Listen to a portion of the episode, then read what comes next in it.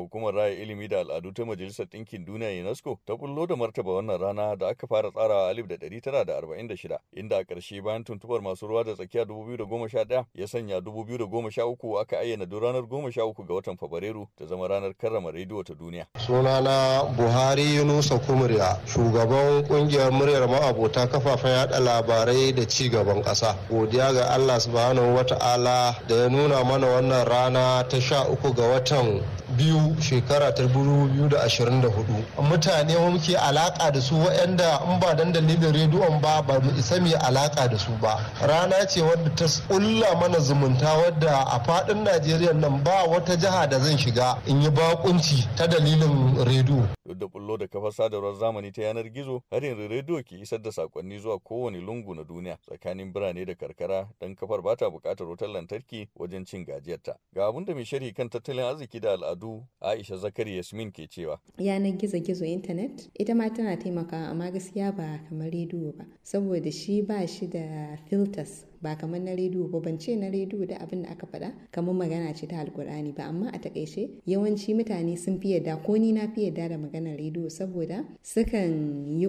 kamanta ƙoƙari kafin su saki abu kai tsaye. Shi ma Adamu a Tahiru da yake yada labaru ta kafar sada zumunta ya ce duk abin da aka yi don mutunta rediyo ba zai wuce gona da iri ba. Tun muna primary school ana koya mana a cikin wani darasi da aka ce ma social studies kafafen sadarwa na tun asali inda aka fito to gidan rediyo yana ciki.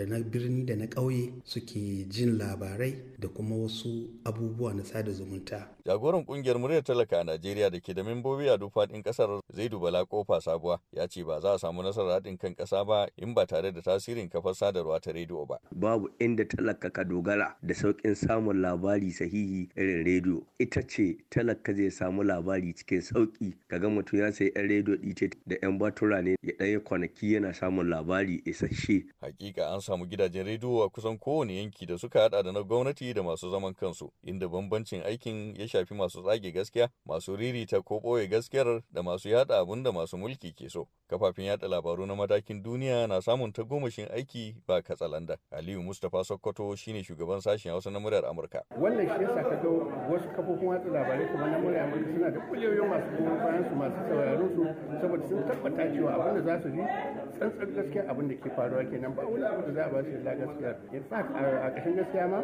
babban takin muryar amurka shine za mu ga muku gaskiya kuma mai dacin ta kuma a har yanzu akan abin da ake kenan adalci a kafafen labaru tsakanin dukkan sassa shi ke takaita mulkin kama karya. Nasura da malika murar amurka daga abuja najeriya.